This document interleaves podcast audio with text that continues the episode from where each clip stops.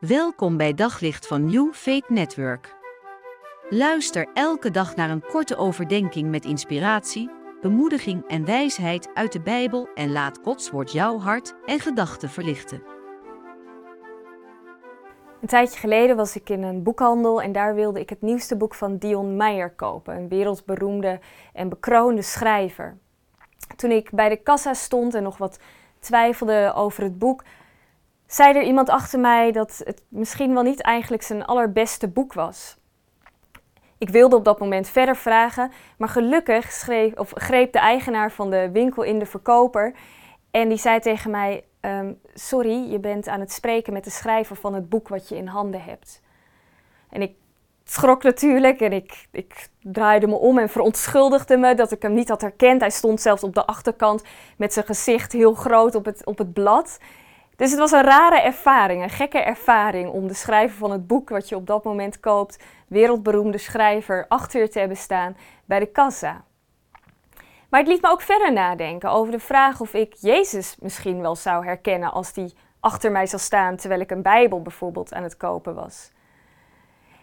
Want de vraag of wij Jezus zouden herkennen lijkt misschien wat gek, maar als je het Nieuw Testament erop naleest, dan herkennen zelfs van zijn beste vrienden hem niet. Bijvoorbeeld Maria, iemand die heel dicht bij hem was, dacht op een gegeven moment dat hij de tuinman was. Of twee vrienden waarmee Jezus een hele lange weg loopt en waar hij zelfs het onderwerp van gesprek is, ze herkennen hem niet. Zou het erg zijn als ik Jezus niet zou herkennen bij de kassa? Je eerste gevoel is misschien van wel.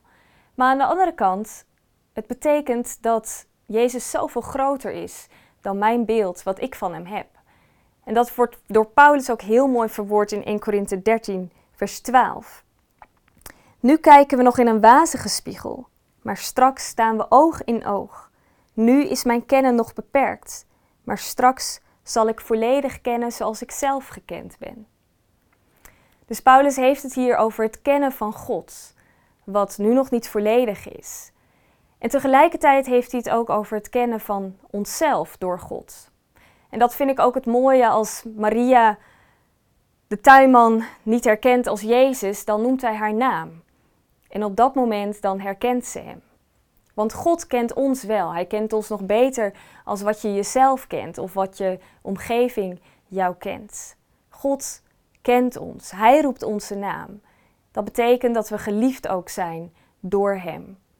En ik zie uit naar een ontmoeting met Hem. Ik weet zeker dat ik dan misschien Hem niet herken en dan verbaasd ben en me schaam dat ik Hem niet herkende. En aan de andere kant, Hij blijkt dan vast zoveel beter en mooier en groter te zijn als mijn beeld van Hem. Op zoek naar nog meer geloof, hoop en liefde.